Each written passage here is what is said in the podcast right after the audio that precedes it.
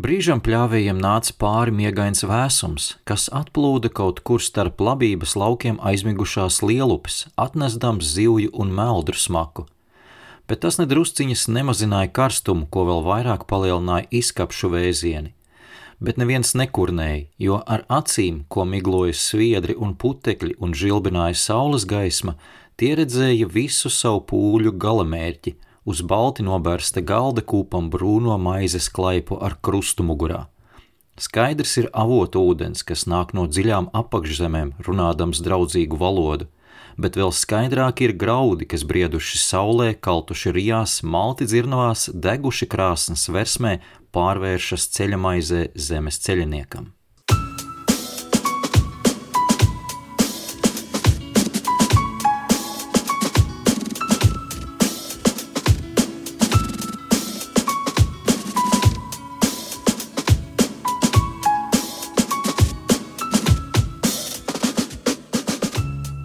Šis ir podkāsts Restarts, mani sauc Alts Putniņš, un šīs būs sarunas par motorsportu.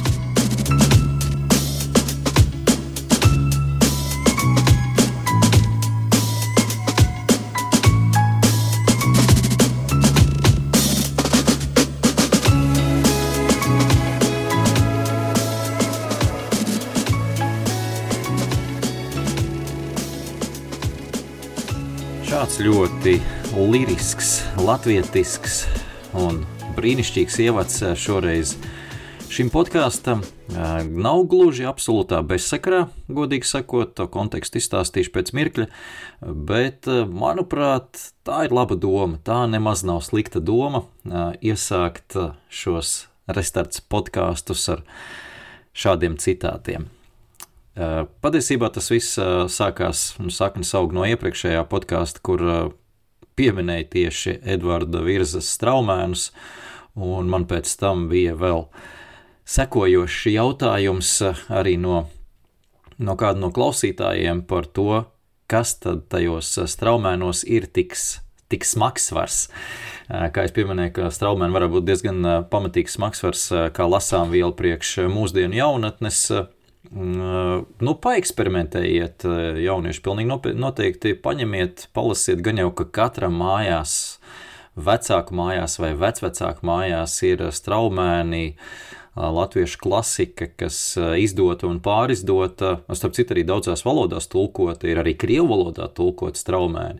Un, ja nemaldos, divas reizes pat arī modernajā, modernajā laikā tulkot straumēni ir krievu valodā. Uh, jebkurā gadījumā tā ir, man, manuprāt, arī ļoti latviešu grāmata, un uh, arī šis citāts, mm, kāpēc arī viņi tā izvēlējos uh, pie reizes, var izstāstīt to savu domu gājienu, jo ne jau tikai tā skaistā valoda mums pilnīgi noteikti nāk par labu un bagātina mūsu izteiksmes veidus, bet arī tā visa noskaņa latviskuma dzīves ziņa, kas tam visam strāvo cauri, tas tomēr nu, kaut kādā veidā liek, manuprāt, lasītājam saprast to savu identitāti, izprast to savu identitāti, jo šis laiks, kad tika sarakstīts šie straumēni, nu, bija laikam nu, tas pats latviskākais laiks mūsu valsts un tautas pastāvēšanas vēsturē, tātad starp, starp abiem pasaules kariem,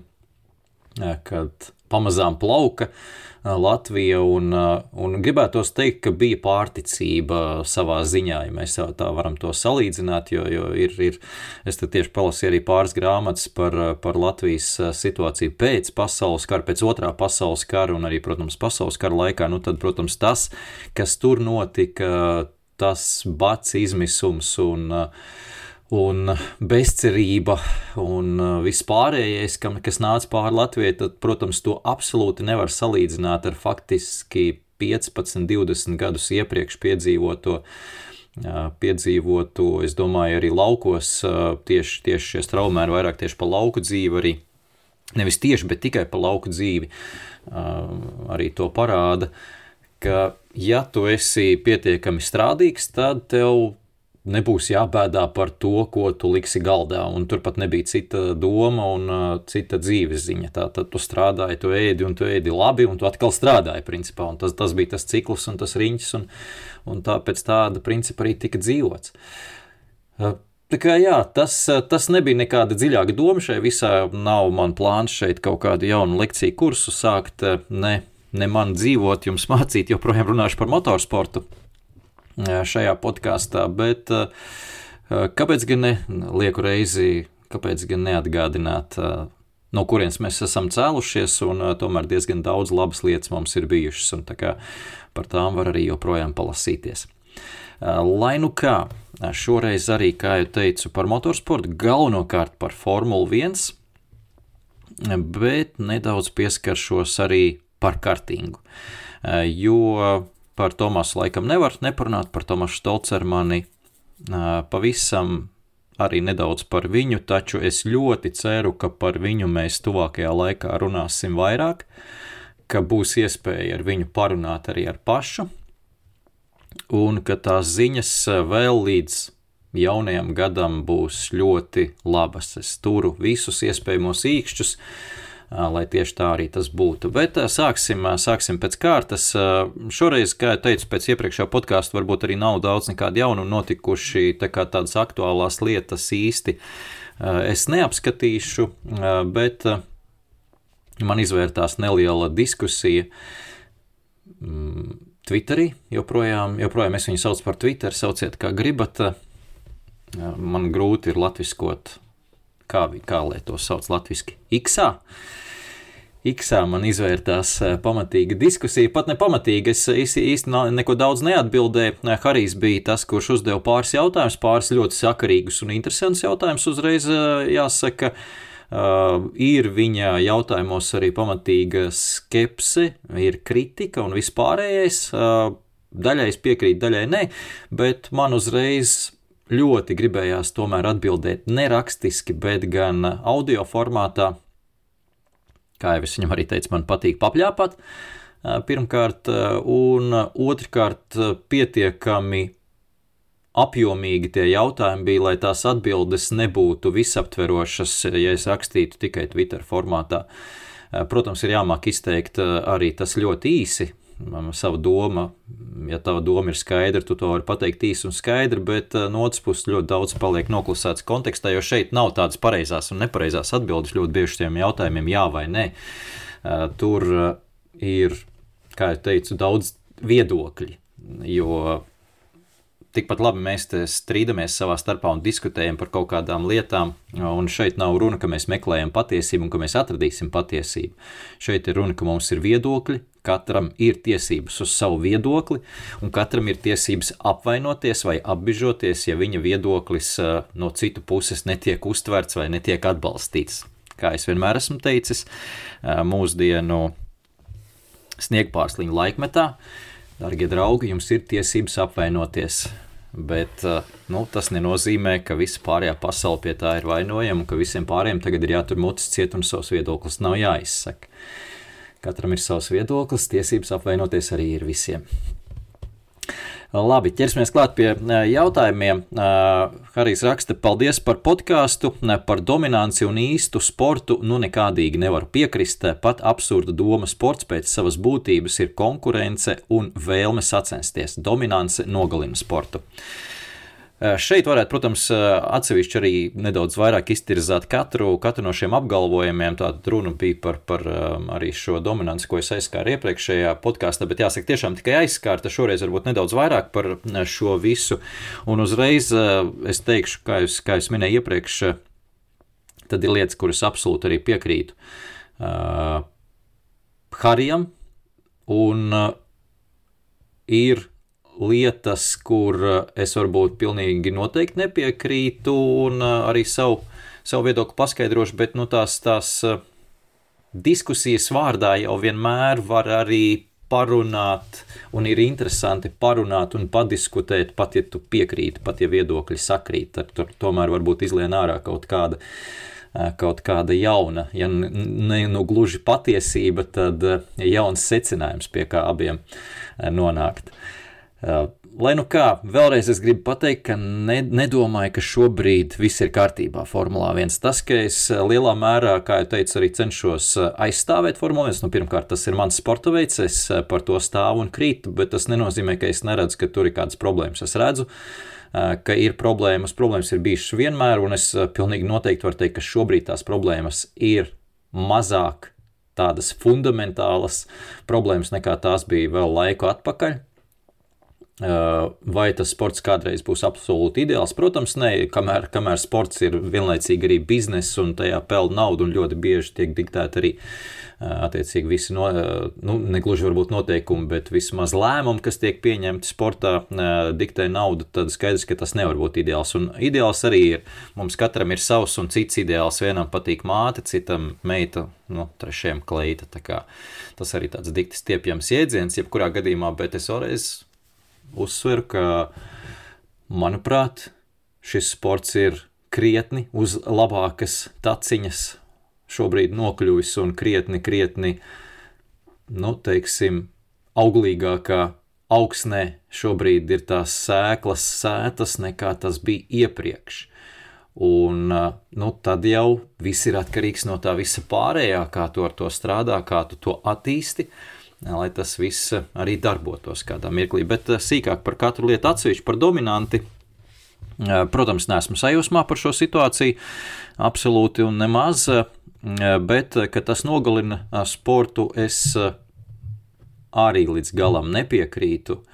Tas nav tik laikam kardināli Pirmkārt, tāpēc, ka mums šīs dominances ir pietiekami daudz bijušas un regulāri, kā nevienā citā sporta veidā. Šajā ziņā jāsaka, jā, daudzos sporta veidos ik pa brīdim ir kaut kāda veida dominanti, kur viena komanda, viens spēlētājs, tā pašā tenisā, futbolā, vienalga basketbolā kaut kas dominē, bet uh, Formulā viens tā dominanta ir tiešām atgriežas ar apskaužamu re regularitāti. Uh, Un turklāt pietiekami arī ilgstoši redzam, ka ir 3, 4, pat 5 sezonas eh, šī dominanta bijusi iepriekš arī. Eh, un nav šis sporta veids nogalināts, joprojām tas eh, dzīvo. Un, ja, piedod, Harī, ja tev nepatīk, vienmēr var skatīties kaut ko citu.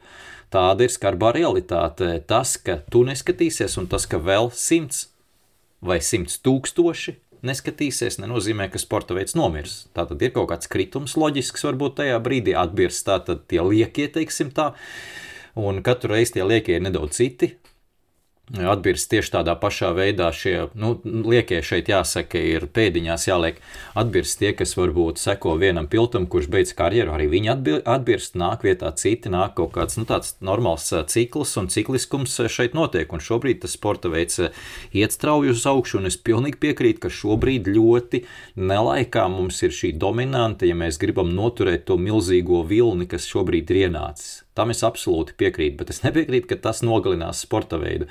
Un uh, viena lieta, kas man arī vēl pastiprināja šo pārliecību, jo es biju tieši tāpat satraucies par to, ka šis sporta veids šobrīd kļūst tik ļoti prognozējams, un tā galvenā lielā intriga mums nav vispār, tad es uh, uztaisīju tādu nelielu aptauju un uh, prasīju tieši jaunajiem uh, līdzjutējiem, tie, kas ir ienākuši pēdējā laikā, tad kas viņus notur joprojām pie, pie televīzijas ekrāniem, pie, pie, pie sacīkstēm, un kas viņiem liek sekot līdzi, ja mēs zinām, kurš būs uzvarētājs. Nu, jūs nu, pat esat ienākuši sporta veidā un redzat, ka te uzvar viens un tas pats cilvēks, nu, kur, kur tā interese ir skatīties.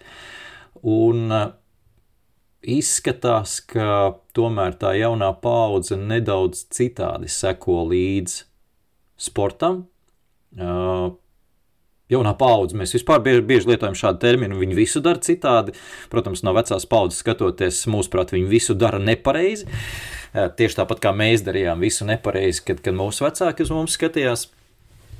Bet tā, tā jaunā paudze pieķerās caur sociāliem mēdījiem, acīm redzot, platformām un uh, caur to pašu Drive to Survive pieķerās konkrētiem cilvēkiem, konkrētiem personāžiem, konkrētiem varoņiem, uh, kas uh, viņuprāt ir interesanti, aizraujoši un tā tālāk, tā joprojām.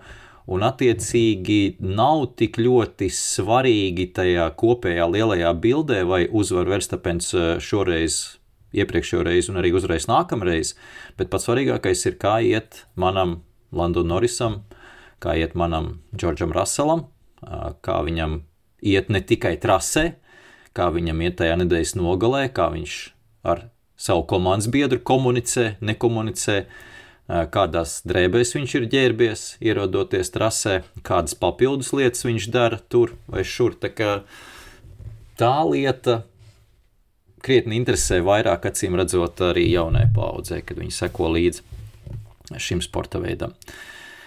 Tā kā nav nav pilnīgi noteikti nav laba šī dominances situācija, un, kā es trešoreiz laikam jau to atkārtoju, bet, nu, nedaudz sīkāk iztirzāšu turpinājumā, podkāstu turpinājumā, ko es par to domāju vairāk, jo te bija turpinājums jautājumam. Ļoti daudz tos jautājumus uzrakstīja man, man Harijs, tā kā šoreiz vairāk kā viens uz viens ar viņu šī diskusija izvērtīsies, un turpinājums no Harijas sekojošs. Kaut kā varētu vēl sadzīvot ar to, ja FIA un F1 mēģinātu ar tehnisko noteikumu izmaiņām mums notirgot un panākt to, ka nu tik būs konkurence. Tad, kad tas neizdodas, uzreiz piemin dominance kā neizbēgama F1 sastāvdaļa. Šobrīd F1 mākslīgi mēģina uztaisīt noteikumus, kur sacīksts būs aizraujošs. Ieguvām vēsturē lielāko dominanci, ko Ņūjis atzina arī F1 podkāstā, un vilcieniņus, kuri arī drīz nebūs. Vienīgais, kas F1 ir izdevies, ir piebāzt sev un komandām pilnas kabatas ar naudu. Tā tad atbildot uz šo konkrēto, tas pat nav jautājums, tas ir tāds tā apgalvojums vai viedoklis eh, no Harija. Nu šeit ir diezgan lielas eh, galības eh, ietverts tajā visā daļa un kripatiņas taisnības un patiesības arī šeit ir izlobāma, bet no veids, kā, tā, kā tas ir pasniegts, ir pietiekami tāds utopiski, agresīvs nedaudz, un droši vien, ka tik traki nav jāsaka tā, ka tik traki nav, kā, kā tas tiek pasniegts no Harija puses, jo sāksim ar FIA, ar šo FIA centieniem mums uh, iebarot tehniskos noteikumus, un uh, kā viņš raksta, ka, ka to pasniegt to, ka dominants būs kā neizbēgama F1 sastāvdaļa. Nu, FIA Un F1, ja nu mēs viņus liekam vienā maisiņā, šajā gadījumā tur, tur īsti vienā maisiņā mēs viņus arī nevaram likt. Tur patiesībā no politiskā politiskās spēles viedokļi viņi diezgan pretējās ierakuma pusēs ir, lai nu kā šoreiz ne par to mēs runājam tik ļoti. Jo dažos, dažos aspektos, protams, viņiem ļoti sakrīt arī domas un tie mērķi, un, un ja ne plāni, kā to realizēt, tad vismaz tas mērķis galējais sakrīt. Un skaidrs, ka gan FIA, gan Formula 1 ir izdevīga, diezgan aizraujoši, interesanti un populāra Formula 1 un Formula 1 čempionāts. Bet jā, tad FIA veids ik pa brīdim šīs izmaiņas tehniskajos noteikumos, un tās mums ir bijušas diezgan cikliskas. Un iepriekš arī Benija Eklstona laikos, arī Žana Toda laikos, vēl, un arī Maks Maks Moslī laikos patiesībā vēl tās izmaiņas ir nereti bijušas vairāk vai mazāk atklātas ar domu iegriezt vienai vai otrai komandai un pārtraukt tādā veidā šīs komandas dominanti. Tā tas bija jā, 2005. gadā, to vēlāk arī Harijs piemin, tā kā es to, to varbūt neatgriezīšos pie tā jautājuma vairs 2005. gadā, tāds mēs Ferrari dominēja ļoti ilgu laiku, tur bija izmaiņas attiecībā par uh, Bridgestone riepām, par Michelin riepām, kas, kas arī nosvēr tos svaru kausus no vienas uz otru pusi, no attiecīgi uz Fernando Lonso pusi, varbūt tas jau sen daudziem ir aizmirsies arī. Tieši tāpat bija arī vēl pēc tam sekojošos gados, 2014. gadā, un uh, šī situācija ar šīm noteikumu izmaiņām, nu, no mūsu puses, skatoties, kā no skatītāja puses skatoties, ir vai nu tāda veiksmīga, vai nu nes rezultātu, proti, vai ir uh, aizraujošs čempionāts vai nav aizraujošs čempionāts. Tātad mēs uz to tā skatāmies.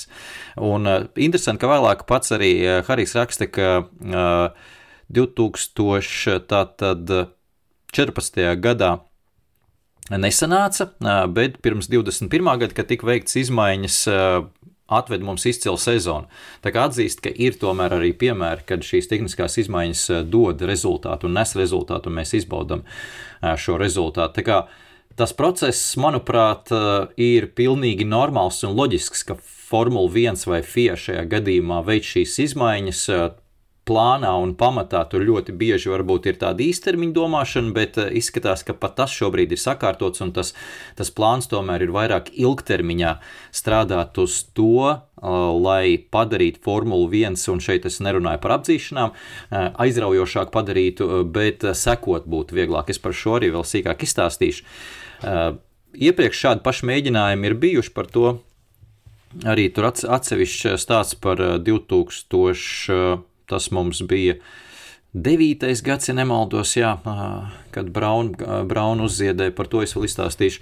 Bet iepriekš tie gadījumi vienmēr nav bijuši veiksmīgi, un kā jau minēju, tad ļoti bieži ir bijusi situācija, kad tās izmaiņas nes pat tīri nu, ne, ja ne gluži pretēju efektu, tad ļoti bieži komandas ātri tās izmaiņas noliek pie vietas, un kaut kādā veidā viena komanda iegūst lielu pārsvaru uz šo izmaiņu rēķina. Tā tas bija tajā pašā 2009. gadā ar Braunu, tā tas ir šobrīd sanācis ar Red Bull. Tomēr nu, mēs nevaram nekādā veidā pārmest FIA. Pirmkārt, tāpēc, ka FIA cīnās ar milzīgu inženieru armijas pārspēku. Desmit komandas, kurā katrā ir krietni, krietni vairāk tehniskais smadziņu, tehnisko cilvēku un viņu smadziņu potenciāls nekā tas ir FIA. Uh, FIA pat nav vienas komandas uh, šis skaits, inženieru skaits, kas ir vienā komandā, viņiem nav pieejams. Tātad tas, ka ir pieaicināti arī savulaik strādājušie citās komandās, dažādās komandās cilvēki un tehniskie cilvēki strādāt FIA. Uh, tas viss ir skaisti un labi un, un, un pareizi, un tā tam būtu jābūt, bet no skaidrs, ka tā ir absolūti vienmēr bijusi un būs cīņa ar veidzirnavām. Uh, tas pārspēks ir milzīgs. Un kaut kādā veidā tā stīvēšanās no vienas puses uz otru pusi tā būs neizbēgama. Un ļoti uzskatāms piemērs tagad ir ar pēdējām izmaiņām, kas mums stājās spēkā tātad 22. gada sezonā, kur piloti uzreiz paziņoja, ka šīs jaunās tehniskās izmaiņas ir devušas rezultātu un tas piespiedu spēka zudums, kas sekojot vēl 21. gada sezonā, viena otrai formulai bija 50%. Tad pusi no piespiedu spēka tev pazuda, ja tu brauc cieši aizmugurējais priekšā sēstošās mašīnas. Tas zudums tika nomests līdz 20%. Tātad tu zaudēji tikai piekto daļu vairs, sākot ar 22. gada sezonas sākumu. Bet skaidrs, ka komandas šobrīd strādā, apgūst tos tehniskos noteikumus, apiet pamazām, pa, nu, noteikumu robežās. Apiet, pilnveido savus risinājumus, un pēdējais. Tas bija Karls Sainz patiesībā, kas to pieminēja pavisam nesen, kad nu jau atkal sekot ir palicis krietni, krietni grūtāk, un Tims Goss, kas ir FIA arī viens no tehniskajiem delegātiem, apstiprināja to, ka viņu šobrīd rezultāti un aprēķini rāda, ka no 20% tas zudums ir pieaudzis līdz 35%. Tātad, atcerieties, iepriekš tie bija 50%, tad tika nomests uz 20% piespiedu spēku zudums, tagad atpakaļ uz 35%. Tātad, starp, tas nozīmē, ka principā pusi no iegūma mēs šobrīd esam zaudējuši. Jau esam atpakaļ ceļā uz tiem 50%. Tā sekošana joprojām vai atkal ir pietiekami grūta un sarežģīta. Un tas ir noticis faktiski pusotras sezonas laikā. Uh, ir plāns no FIA uh, veikt kārtējās izmaiņas, uh, bet, diemžēl, tas būs tikai uz 25. gada sezonu, jo uz 27. gada sezonu to uh, izdarīt ir nedaudz par vēlu. Komand, jo sevišķi budžeta griestos to ir par vēlu izdarīt, jo komandas jau budžetus ir attiecīgi jau iestrādājušas šīs sezonas budžetā. Un tā plānošana uz priekšu notiek arī finansiālā ziņā diezgan precīzi un uh, nu, šajos, kā jau teicu, budžeta griestos nav lielas iespēja, iespējas manevram. Eh, tā kā FIA uz 24. gadu nekādas izmaiņas veikt nevar, bet visas iespējas tātad uz 25. gadu rūpīgāk tās sagatavot un paredzēt to, ka atkal būs eh, izmaiņas tehniskajos noteikumos aerodinamikā. Bet tajā visā atgriežamies pie vienas pie viena interesanta aspekta, jo mēs te runājam par dominantu un cik tas, dominants un cik tas ir svarīgi vai nav svarīgi. 21. gads atceraties to supersezonu starp Hamiltonu un Verstapenu. 21. gads, kā pats arī Harijs raksta, bija sezona, kas bija ļoti aizraujoša, bet atcerieties, ka tā bija tā sezona, kad joprojām sekot bija ļoti grūti un ka bija joprojām spēkie vecie tehniskie noteikumi, jau ilgāku laiku jau bija viņi spēkā bijuši no nelielām izmaiņām tur pa vidu un, un, un korekcijām, eh, bet šie noteikumi joprojām paredzēja to, ka tā sekošana formulai vienotrai ir ļoti sarežģīta. Un mēs vispār to nemanījām tajā sezonā. Mums bija pilnīgi vienalga, tur var sekot vai nevar. Verstapens ar Hamiltonu to sezonu padarīja vienkārši neaizmirstam, vienkārši fantastisku. Kā jau teicu, viena no vēsturē aizraujošākām sezonām, aizraujošākiem dueļiem, kas ir bijis Formula 1. Tā kā Tas nozīmē, ka ļoti daudz kas uh, ir atkarīgs no tā, kā mēs vispār uz to skatāmies un kā mēs to uzpe, uztveram, uh, ko nozīmē aizraujoši un ko nenozīmē aizraujoši. Jo, ja ir tā lielā un galvenā intriga, tad mums šādas nianses paliek kaut kur fonā un nav tik ļoti svarīgas un nozīmīgas, bet mums visiem ir jāsaprot, ka tādas sezonas kā 21. gads nebūs katru gadu, un iespējams tās būs vienu reizi desmit gados. Un patiesībā es lieku roku uz sirds un saku, ka es esmu ar to mierā. Varbūt es gribētu nedaudz biežāk, bet es noteikti negribētu katru gadu tik aizraujošu sezonu, jo tas kaut kādā veidā tomēr mazinās to, cik tā sezona ir satriecoša un unikāla. Kā var būt unikāls, ja tas ir katru gadu? Tas nenozīmē, ka es gribu garlaicīgu sezonu. Tas, protams, to nenozīmē. Es gribu citādu sezonu. Varbūt tajā sezonā jātiek izcīnīt čempionu tituls priekšlaicīgi. Varbūt uh, viena komanda dominē otru sezonas otrajā daļā noķer, kā tas ir tagad. Uh, tur ir dažādi scenāriji un dažādi risinājumi. Bet tieši tāpat kā ar sacīkstiem, ja katrs sacīksts būs nenormāli aizraujošs, katra nedēļas nogala sacīkstēs būs nenormāli aizraujošs, tad kur mēs izšķirsim, kuras tad ir tās aizraujošās un kuras nē. Tā kā šajā ziņā es absolūti domāju, ka ja tā attiecība ir apmēram 1 pret 5, ja mums katra piektā sacīkste ir aizraujoša un četras pa vidu nu, normālas, varbūt tur taktiskajā ziņā nedaudz interesantāks un citādāks, un attiecīgi katra piektā sezona ir arī aizraujoša, tad es teiktu, ka tas līdzsvars manam, manai patikšanai ir pilnīgi pietiekams. Man galīgi nevajag katrā nedēļas nogalē nograust visus nagus. Bet tas tāds, tāds personīgais viedoklis. Bet jā, tas, ko dara šobrīd Liberty, vairāk gan jāsaka ar šīm jaunajām izmaiņām, protams, sadarbojoties ar FIA arī par šīm kostkap, jeb, jeb budžeta griestiem, ko arī pieminēja eh, Harijs, tad nu, šeit, eh, šeit tā lieta, kur es nepiekrītu, eh, savā ziņā, diemžēl, šie budžeta griesti ir iegriezuši, jo esošā dominanta, kas tagad ir Red Bull, būtu vieglāk pārvarāma lielajām komandām kā Mercedes un Ferrari, ja viņiem būtu neierobežot līdzekļi, kā tas bija iepriekšējos gados tas būtu vieglāk izdarāms, būtu vieglāk noķert Red Bull, taču ilgtermiņā Formula 1 kā sports būtu pilnīgi noteikti cietējis. Tā kā šis ceļš ir pareizais, to ir teicis arī pats Toto Wolfs. Tie viņa vārdi e, ir bijuši, ka tas e, pilnīgi noteikti labākais, ko varēja izdarīt e, Formula 1 čempionāts, dzīvot spējas uzlabošanai ilgtermiņā šie budžeta griezti. Diemžēl mēs to efektu vēl līdz galam neredzam, un šeit, diemžēl, es nezinu, Harijs, kuras komandas līdzjutējs ir, es pieņemu, ka Mercedes tā tā pēc konteksta varētu noprast tad šajā ziņā viņš var vainot tikai Mercedes komandu, ka mums ir tā dominance no Red Bull. Kāpēc? Tāpēc, ka trīs komandas mums ienāca šajā budžeta griestu ērā, trīs lielās komandas, tāda Ferrari, Mercedes un Red Bull, varam teikt, ienāca šajā budžeta griestu ērā ar lielu pārsvaru pār pārējām. Tā inerce pārsvara bija ļoti liela un fundamentāla. Uh, visi instrumenti, visa fabrika cilvēki labākie, kas tiek nolīgti, protams, pa labākajām naudām. Visa pārējā pieredze un prakse Viss bija visaugstākajā līmenī šīm komandām. Protams, tur pa Ferrari var šur tur pastrīdēties, bet, bet Mercedes jau nu pilnīgi noteikti. Un Mercedes to nespēja izmantot kā savu priekšrocību dažādu iemeslu dēļ. Mēs varam tur analizēt, kas par iemesliem bija pašpārliecība, tehniskais, eh, tehniskais nu, nedaudz tāds lepnums, varētu teikt, arī stājās ceļā. Eh, pašpārliecība par savām spējām, nedaudz eh, ignorēja varbūt sākotnējās pazīmes, tā tālāk, tā joprojām.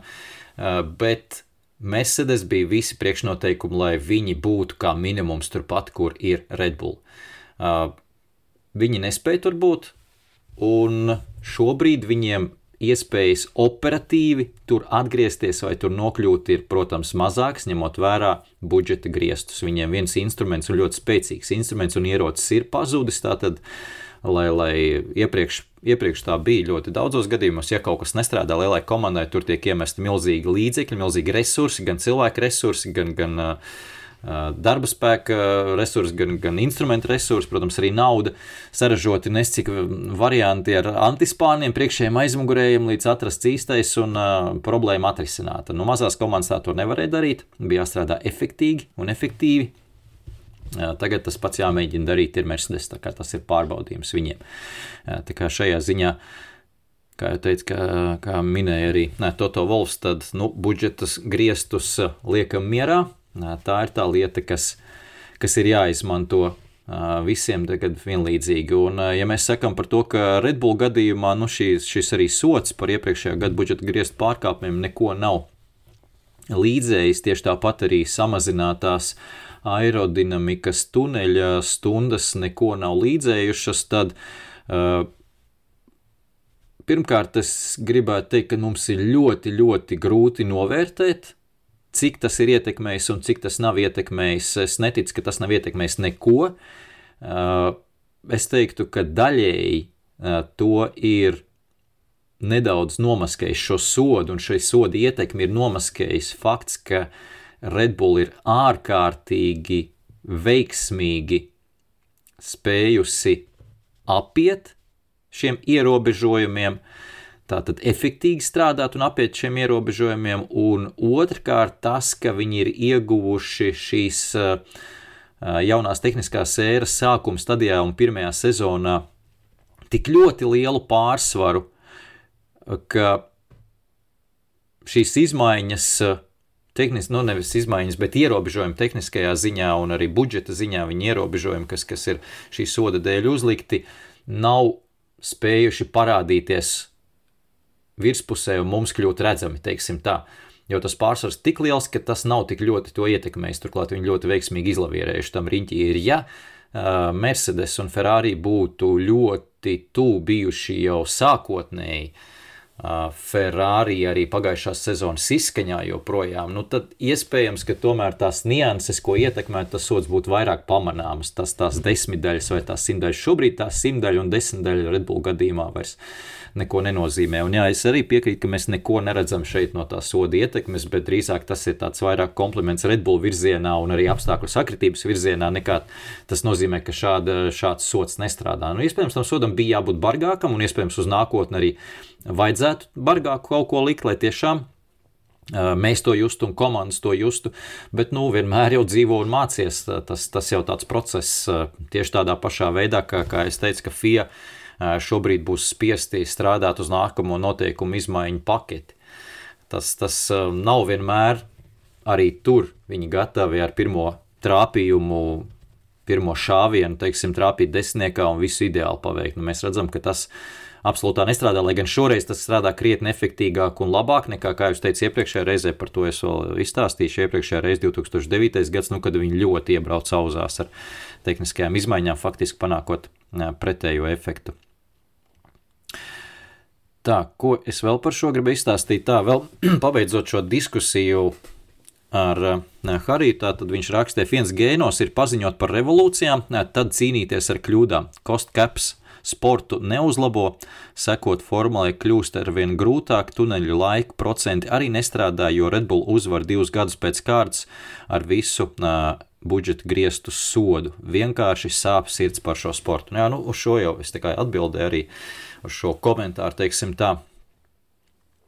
Uh, jā, sāp sirds. Uh, nu, par to sāp sirds, kā jūs teicu, tad uh, man arī ir žēl, bet es neteiktu, ka šī būtu absolūta katastrofa.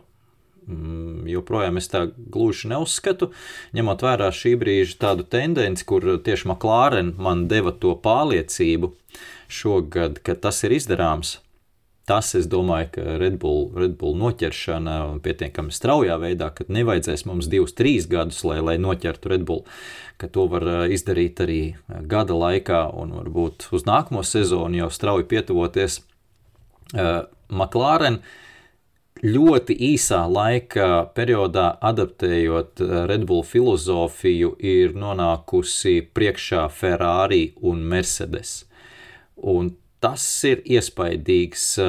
apliecinājums, uzskatāms, kā, kā var teikt, ar bomi pa pieeja arī Mercedes, ko var paveikt, ja met to kaunu pie malas un dara to pašu, ko dara Red Bull. Skaidrs, ka Ferrari un Mercedes būs to soli aizmugurē Red Bull, jo tie dati viņiem nebūs par šo konceptu pietiekami daudz, ka cik ir tie dati Red Bull komandai.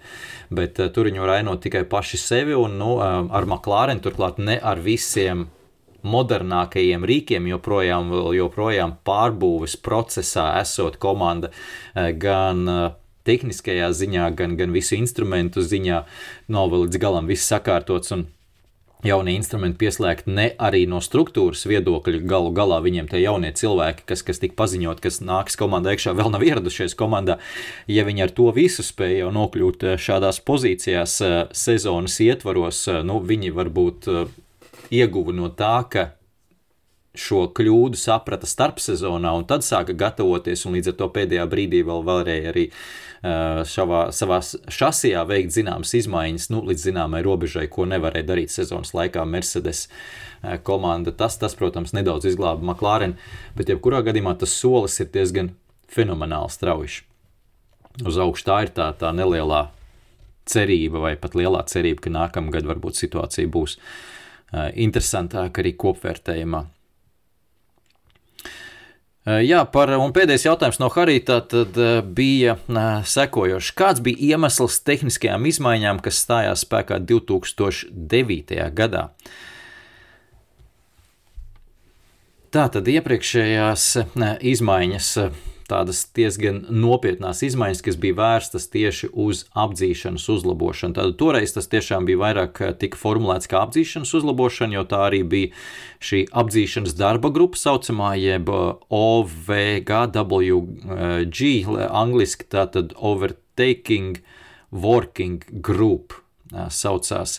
Šī grupa, kur bija tehniskie cilvēki arī no visām komandām, tika piesaistīti. Un, starp citu, tā bija tā lielā problēma toreiz ar to, nu, cik no problēma, vienam problēma, vienam iegūms ar Brown GP dominanti, jo arī Ross Browns bija šajā grupā.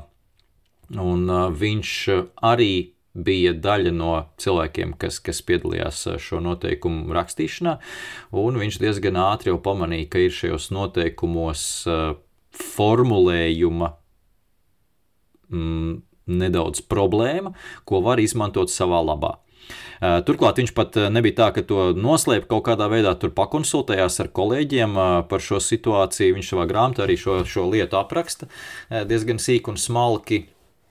Un FIA ne, nebija gatava mainīt arī sezonas laikā, atceramies, ar dubulto difuzoru šo situāciju nebija gatava mainīt šos noteikumus, lai gan tie neatbilda gluži šis risinājums, dubultā difuzora risinājums neatbilda uh, nodomam, ar kādu tie noteikumi tika rakstīti. Tā kā vienmēr mēs arī dzirdam to lietu, ka nodoms tā, tā ir tā galvenā lieta, bet nu, tas, tas formulējums tas jau tikai, tikai tāda juridiska lieta. Nu, toreiz izmantoju šo juridisko tādu neprecizitāti.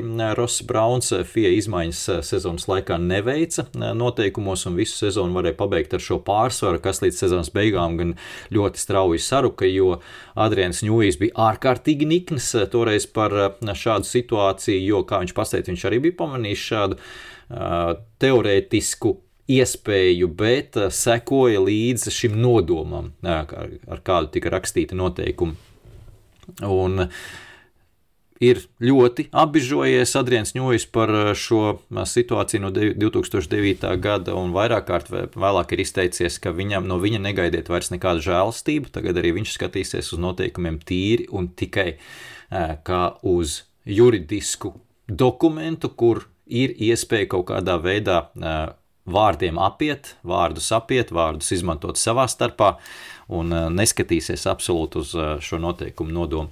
Toreiz, starp citu, bez Brauna, GP arī Williams un Toyota izmantoja dubulto difuzoru. Viņi bija tieši to pašu pamanījuši, tā kā nebija gluži tā, ka Brauna bija vienīgie. Bet kur bija tā galvenā problēma, par ko arī bija jautājums? Tas jautājums bija, ko Fiat centās izdarīt toreiz. Tad tas plāns bija tieši tādā pašā veidā, kad kaut kādā veidā mazināt ietekmi no priekšā braucošās formulas uz aizmugurējo. Atcerieties, varbūt tīri vizuāli, tā, tā gada mašīnas bija ar tādiem šauriem, pietiekami augstiem aizmugurējiem antispāniem un ļoti platiem priekšējiem antispāniem, bet ar tām galvenajām antispānu sekcijām, antispānu sānos vidējā daļā bija aizliegums tātad veidot šos, šīs antispānu horizontālās sekcijas. Un tas tā bija tā lielākā kļūda no FIA puses. Jo, kā jau teicu, tas mērķis bija izvairīties no priekšējās formulas radītās, radītās turbulences un šīs ietekmes pēc iespējas vairāk. Daļēji varbūt tas rezultāts tika sasniegts, taču tika atvērta cita Pandoras lāde, jo komandas ļoti ātri saprata, ka šajā brīvajā vidējā zonā, kur tā tad tika aizliegts eh, šīs eh, horizontālās sekcijas veidot, eh, tur bija ļoti veiksmīgi iespējams uzģenerēt tā saucamo Y250 vorteksu. Tātad tajā brīdī, kad šie 25 cm no centra viduslīnijas, formulas viduslīnijas tika sasniegti, tur tika jau atļauts, tātad varēja komandas veidot šīs horizontālās sekcijas, un tur ar tādiem diezgan asiem stūriem antispāni tika uzģenerēti, uztaisīti, kas attiecīgi ģenerē šo, šo vorteksu. Viņš arī tika nosaukts, kā es teicu, Y250, 250 ir tie milimetri no centra līnijas. Tur ģenerējās šis vorteks, kas darīja brīnumu lietas. To komandas izmantoja sākotnēji ļoti daudz un ļoti intensīvi. Protams, tas tika nosūtīts tur uz mašīnas vairāk apakšējo daļu un sāndaļu abās pusēs kas radīja kaut kāda veida, es tagad precīzi un tik sīk un smalki nemācīšu izstāstīt, bet princips ir skaidrs, ka tas radīja Tas kļuva par ļoti spēcīgu aerodinamisko elementu, jo mašīnas sānos radīja spiediena atšķirības, ko izmantoja, lai kontrolētu gaisa, gaisa plūsmu jau tālāk uz mašīnas aizmugurējo daļu, uz arī uz mašīnas aizmugurējo antispānu. Eh, taču tā lielā problēma bija tā, ka tas kļuva ļoti jūtīgs un ļoti atkarīgs no tā, vai gaiss ir tīrs formulas priekšā, vai, vai gaiss nāk turbulents no priekšējās formulas. Un tā kā cenšoties izlīst no tā grāvja, Formula 1 iekrīt vēl dziļāk grāvī, jo atvēra, kā jau teicu, to, to Pandoras lādi ar, ar šo vorteksu, kas, kas vienā aplī un tīrā, tīrā trasē deva milzīgas priekšrocības, aerodinamiskās priekšrocības, jo komandas aizvien vairāk un, un, un labāk iemācījās izmantot šo vorteksu savā labā. Bet tiklīdz bija jāsaka otrai formulai, šis vorteks nestrādāja, un tajā brīdī viss, viss bijām atpakaļ turpat, kur bijām uzreiz mašīna nestabilāka, riepas vairāk nodilst, sekojot, un tev ir jāiet tur sekunde distance no priekšā braucošās, lai, lai, lai nenodeldētu riepas un lai būtu vispār kaut kāda stabilitāte mašīnai. Eh, un to, eh, starp citu, jā, kļūdas no šī, šī mēģinājuma 2009. gadā, no šīs darba grupas izstrādātiem noteikumiem, arī visas šīs kļūdas ņēma vērā FIA un tās salika kopā un attiecīgi izstrādāja šos jaunos noteikumus. Nu, un šie jaunie noteikumi, es teiktu, ka uh, ir izpildījuši savu to plānu un uzdevumu nu, par procentiem 80 es tā vērtētu. Jo tas mērķis ir sasniegts, tas, ka šobrīd komandas velk to atpakaļ savā virzienā, tas bija neizbēgami pie jebkura risinājuma. Tas, tas bija neizbēgami, kā jau teicu iepriekš, un skaidrs, ka tagad FIA ir no savas puses atkal jāparedz nākamā izmaiņu paketi, galvenais tur neaizšķaut garām. Nākamā izmaiņu paketi, kur atkal to deķīti pavilkt savā virzienā. Nu, tāda tā stīvēšanās būs. Uh, visu laiku, un, un tas, tas, ir, tas ir neizbēgami. Uh, Bet es domāju, ka tas tomēr ir jānošķir lielā daļā, lielā daļā šie tehniskās lietas un tehniskās izmaiņas ir jānošķir no tādām fundamentālām lietām, kas mums vairāk ir tas tie budžeta griesti un attiecīgi aimskā tuneļa ierobežojuma lieta un tas slidošais grafiks. Tās ir tās fundamentālās lietas, kas tiek darītas, kāds sportiskais vairāk vai finansiālais, finansiālā daļa, kas tiek darītas tādā ar ilgtermiņa plānu un pilnīgi skaidrs bija, ka uzreiz to nevarēs panākt. Lai gan, manuprāt, jau ir kaut kādi pilnie, pirmie pamanāmie rezultāti ir redzami, jo, ja neskaita Red Bull, tad mums pelotons ir ļoti, ļoti cieši. Mums nav vairs tādu izteiktu pastarīšu. Nu, viņi vienmēr būs, viņi vienmēr būs, bet nav gluži tā, ka kāda komanda ir absolūti bezcerīga un ik pa brīdim var izšaut atkarībā no niansēm arī tā pati Alfa Romeo vai, vai Haas Uh, bet jā, nu, Red Bull fenomens mums šobrīd visu to, to situāciju nedaudz saduļķo. Tik tālu par tām lielajām lietām. Paldies Karijam par, par komentāriem. Kā jau teicu, ir varbūt nedaudz negatīva noskaņa no viņa puses, bet šeit, ja mēs ignorējam to, to negatīvo, tad mēs varam atrast arī tādas, tādas diezgan pamatotas domas un pamatotas arī bažas par to, kur iet šis sporta veids un vai pareizā virzienā iet. Tad, īsumā tāds rezumē, manuprāt, tas virziens, kurā iet Formula 1 tieši vairāk ar šo sportisko attīstību, ir pareizs. Tas ir, vai tas ir pats pats labākais, nezinu, nav ne jausmas bet tas ir labāks kā bija iepriekš. Savukārt ar tehniskajām lietām tas ir tāds neizbēgams cikls. Un pati galvenā bažas ir no, no manas puses, lai FIA neuzkāptu tiešām vēlreiz uz tā grābekļa, kas bija tajā 2009. gadā, un ka neiebrauktu lielākās auzās, bet nu, šobrīd izskatās, ka tomēr viņi uz krietni lielāka. Uh, Lielākas datu bāzes operē, turklāt ir zināma neatkarība no komandām iegūta. Ja tā neatkarība no komandām būtu vēl lielāka, tad, manuprāt, būtu tikai labāk. Jo skaidrs, ka komandas vienmēr gribēs nedaudz savu labumu izsist jebkurā gadījumā. Uh, bet kopumā es teiktu, ka tas virziens ir, ir apmierinošs un es neredzu tādas, tādas lielas problēmas. Tur, protams, mēs varam atkal atgriezties pie tādiem sīkumiem, tiesāšanām un vispār, jo vienmēr būs ko pārmest un vienmēr pat tiesnešiem būs jāatcepās, bet tas jebkurā sporta veidā viss, viss skatītāji gudrāk par jebkuru tiesnesi ir un par jebkuru komandas vadītāju, un bieži mēs arī labāk trasē mācētu braukt nekā jebkurš no pilotiem. Es domāju, tas, tas tāda normāla. Normāli skatītāju un līdzjutēju jā, attieksmi. Hey, steering wheel, somebody tell him to give it to me. Audio podkāsts ir tava lieta, un arī viens LV podkāsts epizode pēc katra posma tev ir nedaudz par īsu. Iesaku apmeklēt mūsu Patreon lapu Tur atradīsi ne tikai aizraujošus, vēsturiskus, tehniskus un interesantus rakstus par Formuli 1, bet arī analītisko podkāstu restarts un ekspresa podkāstu epizodes par aktuāliem jaunumiem un Grand Prix nedēļas nogales notikumiem. Šobrīd to visu ir iespējams izmēģināt septiņas dienas bez maksas. Apmeklē patreon.com šķērsvītra FNCLV un iepazīsti Formuli 1 vēl tuvāk. Bet, kā jau teicu, beigās arī par Tomasu parunāšu.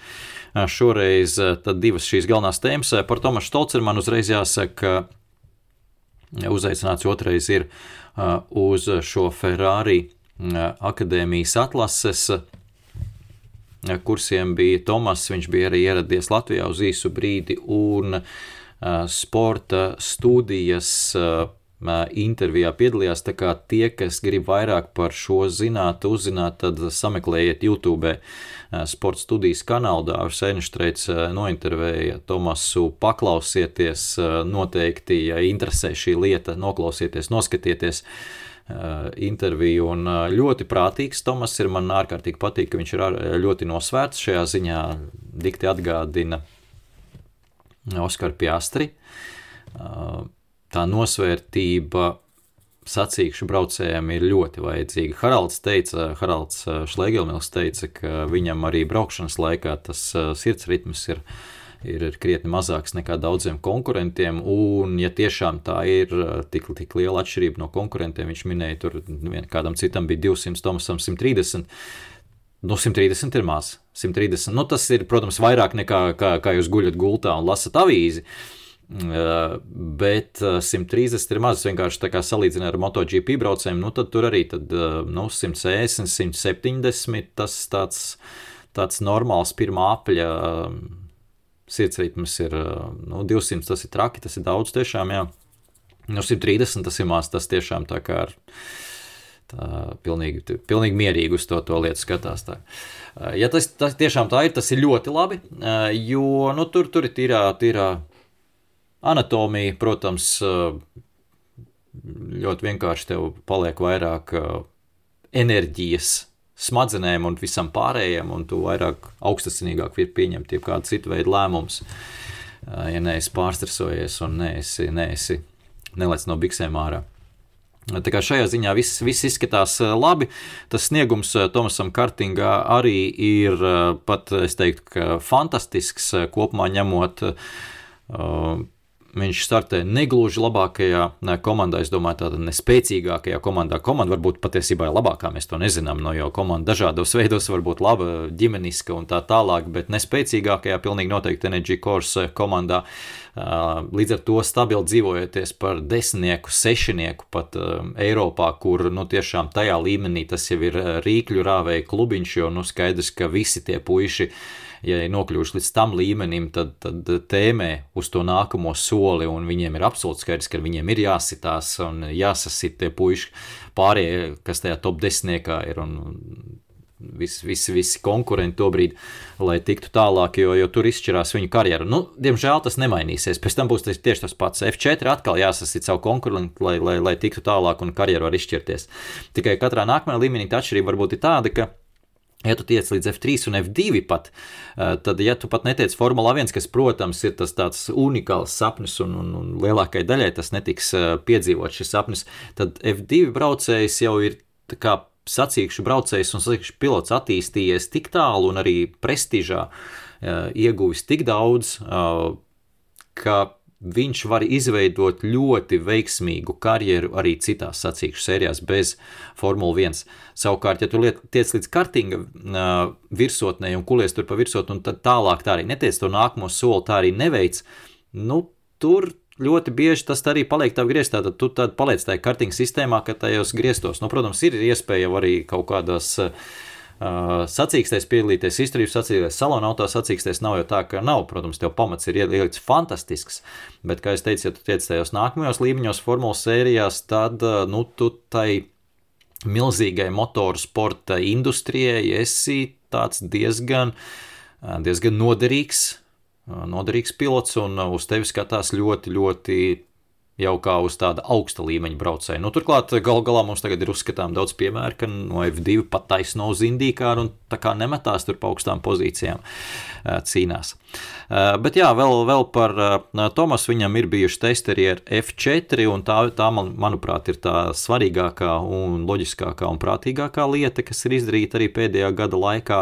Vēl jau atceramies arī pagājušajā gadā viņš šajos Ferrari pārbaudas testos arī iesēdās F4, un tā bija pirmā reize. Skaidrs, ka uzreiz pirmo reizi ir grūti to visu saprast. Un šeit nav runa par to, ka tā mašīna nenormāli ātra ir. Protams, viņa ātrāk kā kartings, lai gan KZ, nu, tie tie kartingi monstri. Ņemot vērā, cik tādās mazās kartinga trasēs viņi brauc un cik ātri viņi ir un dinamiski, tad tas pieņemšanas reakcijas ātrums un lēmumu pieņemšanas ātrums, nu, tur jābūt ir zibenīgam tam visam. Un tas, manuprāt, ārkārtīgi uztrenētajā augstākajā līmenī tie kartingisti tiešām ir nu, nu spicie džeki tur. tur.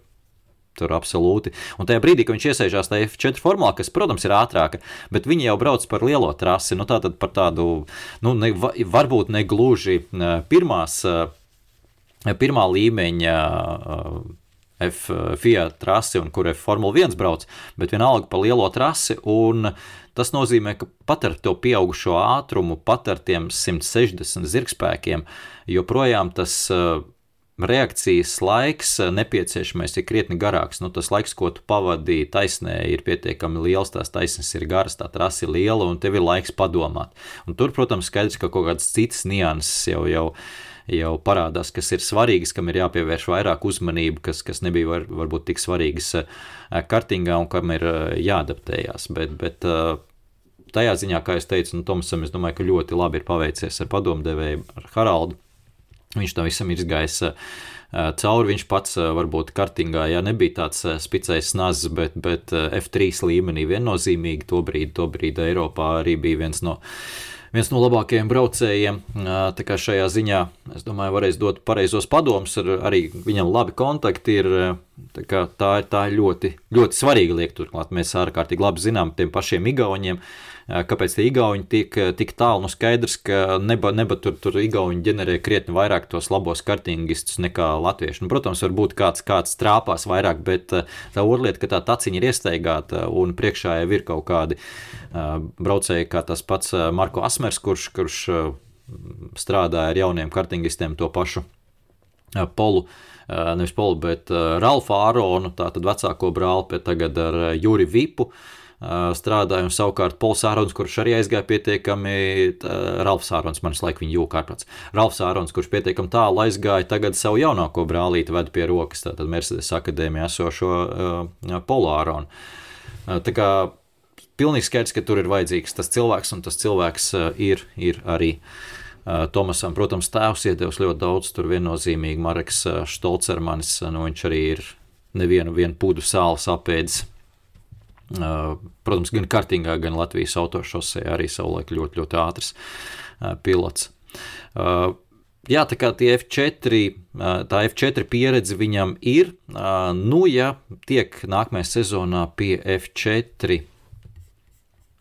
formulas un starta kādā no čempionātiem, nu, tad tur laikam divu domu nav. Tagad F4 čempionāti mums Eiropā ir gandrīz katrā uh, katrā sevis cienošā motoru sporta lielvalstī, bet nu, tie spēcīgākie čempionāti joprojām ir uh, Vācijas un Itālijas. Nu, es teiktu, pat Itālijas vairāk, Vācijas nedaudz kaut kur ir iebuksējis pēdējā uh, laikā, bet iepriekš, iepriekš tie bija divi. Tagad vairāk kā Itālija nostabilizējušies kā līderis. Šogad Itālijas F4 čempionātā vēl viens posms palicis Valelungā pēc divām nedēļām. Tur tiks noskaidrots arī čempions. Tur pa priekšu ir uh, Eh, Katspers eh, Štuka, eh, polis, kurš, starp citu, uzvarējis pēdējās sešās sacīkstēs pēc kārtas. Nu, tur viena posma ietvaros ir trīs braucieni, trīs sacīkstes. Tā kā šajā ziņā šajā ziņā, nu, tur, tur tās sešas sacīkstes tā bija savādāk. Tā divās trasēs pēdējās sešas uzvaras pēc kārtas, tāds pamatīgs uzvaru gājiens viņam, bet viņam tas ir trešais gads F4, un viņš, cik man ir zināms, nav nevienas uh, Formula 1 komandas akadēmijā, nu, varbūt pēc šāda trieciena sezonas noslēguma viņš arī nokļūs kādā akadēmijā. Vēl jāizcīna tas tituls, viņam tur tuvākais konkurents ir. Es skatos tagad kopvērtējumu. Tuvākais konkurents ir Limblāts. Arvīts Limblāts, kas ir brits, kurš ir Red Bull akadēmijā, ja nemaldos. Uh, Trešajā vietā ir Ugo Ugučugvu, amerikānis, nu, baigi pēc amerikāņa neizklausās, bet no amerikānis viņš pēc tautības ir. Viņš ir patiesībā Nigērijā dzimušais supermodelē dēls un itāļu modes dizainers. Laikam viņš bija tātad ģimenē dzimis, tātad mēs varētu precīzāk teikt, viņš ir nigēriešu, itāļu amerikānis. Viņš arī ir uh, akadēmijā, viņš ir Maklārina akadēmijā, tad viņš ir trešajā vietā šajā Itālijas F4, tālāk ir James Vārtons, uh, kurš ir tajā pašā Ferrari akadēmijā, un piektajā vietā ir Tuka Taponens, kurš, es domāju, ka ir tāds ļoti uzskatāms paraugs un piemērs, kā strādā šī akadēmija. Viņš iepriekšējā gadā tika izvēlēts šajos atlases atlas ciklos Ferrari, tika uz finālu, tur arī uzvarēja, un attiecīgi šogad jau brauc ar Ferrari gādību šajā Itālijas F4, un viņš ir piektajā vietā Viena uzvara šogad ir bijusi Tuktapunam. Tas arī parāda, viņš, starp citu, tiešām no nu, kartinga līmenī bija ārkārtīgi augsta līmeņa somu pilots. Un, un, nu, visi jau viņi bija, bet, bet no Tapunam arī ļoti daudz gaidīts. Nu, bet no pirmajā gadā pagaidām tas sniegums ir ir starp vadošajiem pilotiem, bet, nu, redzams, tur cīņā par, par titulu viņš tomēr nepiedalās. Bet, ko es ar to gribēju teikt, ka no nu, pirmie pieci ir, no, no izņemot tādu poli štuku, ir no jau no kādām akadēmijām, no F1 komandu akadēmijām. Un tas nozīmē, ka šobrīd F1 komandu akadēmijas akadēmiju taustekļi ir aizstiepušies līdz kartingam. Jau šobrīd kartingisti tiek paņemti kartinga līmenī, tiek paņemti savā paspārnē. Gadus desmit atpakaļ tā tas vēl nebija. Bija Red Bull akadēmija, kas strādāja nedaudz savādāk. Viņi tur ņēma visu pēc kārtas un met ārā ik pa brīdim, un, un, uh, bet viņi vismaz kaut ko darīja šajā lietā. Šobrīd visas sevi cienošas komandas savu akadēmiju ir uztaisījušas, un tās iespējas labiem kartingistiem nokļūt kādas akadēmijas paspārnē ir lielas. Tāpēc es arī gribu teikt, ka arī Tomasam tādas iespējas ir neskatoties uz to, ka viņš ir latviečs, neskatoties uz to, ka sponsori, protams, grūti atrodam mūsu platumgrādos, un nestoties to, ka mums ir niecīgs tirgus. Pat tas, tas viss teorētiski var nebūt šķērslis. Var arī būt, var nebūt. Tas, tas jāskatās, jo arī tie līgumi ar akadēmijām mēdz būt dažādi. Tas nav tā, ka, ja tu esi akadēmijā, nu viss apsēdies atpūtas krēslā un uzelpo, jo tagad tava nākotne nodrošināta. Tā gluži nav, jo tur arī tie līgumi akadēmijām ar jauniem piltiem ir dažādi. Ir kas nosedz visu startus finansiālās lietas, ir kas daļai nosedz, ka tev ir kaut kas pats pašam jāmaksā, un nu, galu galā pat ceļošana šobrīd, nu, tas arī kaut ko maksā un dzīvošana. Un ir tādi, kas, kas nosedz, teiksim, kaut kāda veida treniņu iespējas, konsultācijas iespējas, tātad tu esi asociēts ar to, to akadēmiju, bet nu, tādu nopietnu finansiālo palīdzību nesaņem tur joprojām taviem sponsoriem ir jāstrādā. Tā kā tur ir dažādi līmeņi, viss ir individuāli, viss no tā, cik, cik vērtīgs tu izskaties akadēmijas acīs, tas viss nu, negribās teikt, ir slepeni, bet nu skaidrs, ka tur arī par to nenormāli skaļi netiek runāts, bet eh, ir, ir dzirdēti vairāki, vairāki varianti, kā strādā šīs akadēmijas. Tā kā, kā es vēlreiz teicu, cerēsim, eh, cerēsim, turēsim īkšķus eh, par Tomasu, un tūlīt, tūlīt ir galvenais nākamais pārbaudījums arī viņam. Viņa gadījumā tas ir pasaules čempionāts kartingā, kurš notiks šajā nedēļas nogalē, tātad reizē ar Katars lielās balvas izcīņu. Frančija Korts trasē Itālijā, kurš, starp citu, Tomasam ļoti labi iepriekš ir veicies, tā kā ir, ir pamatots cerības mums arī uz labu rezultātu, sekosim līdz viņam, un pēc tam jau pēc šī pasaules čempionāta es domāju, ka jau būs krietni vairāk skaidrības, informācijas, izpratnes par to, kas kādā veidā tuvākajā laikā varētu notikties ar Tomasu. Kā jau teicu, protams, turam īkšķus, un kas zina, varbūt jau nākamgad brauksim ne tikai uz eh, Formule 1 sacīkstēm, klātienē sekot līdz, bet arī uz kādu Itālijas F4 čempionāta sacīksts būs jāaizbrauc ar Latvijas karogiem, jo nu, latvieši jau latviešu trimdā līdzjūšana, tā ir tāda, manuprāt, eh, jau ļoti ierasta lieta visos sporta veidos. Mēs joprojām esam līdz latviešiem ārzemēs un, un, un turam Latvijas karoga augstu. Tā kā cerams arī Tomasam būs, būs jāpasako līdz cītīgāk eh, tagad, kad potenciāli šī pārēja uz F4 pastāv kaut kur pie, pie apvāršņa. Kā jūs teicat, tas ir smags solis, nākamais solis ir smags,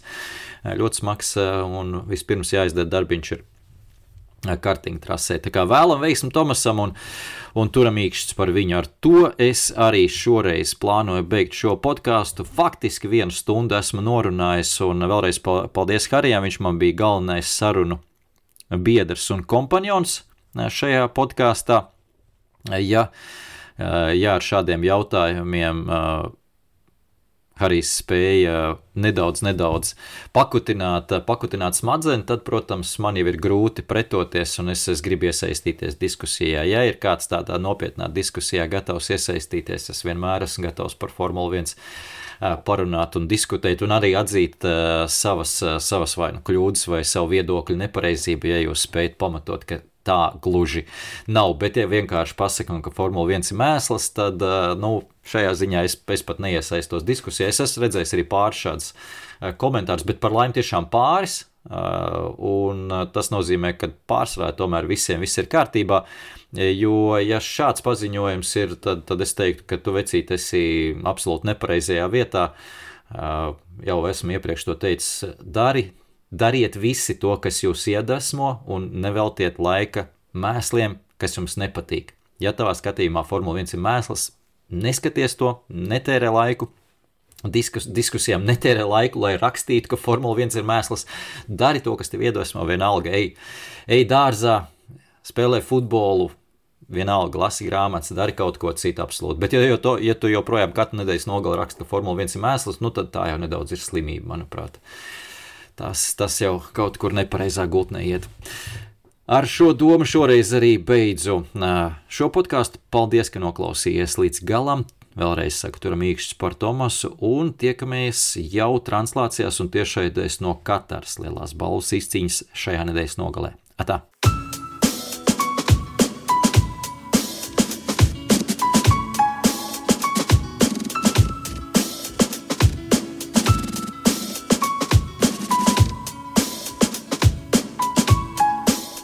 Mūzika no Perfect Muse, Lucky Number.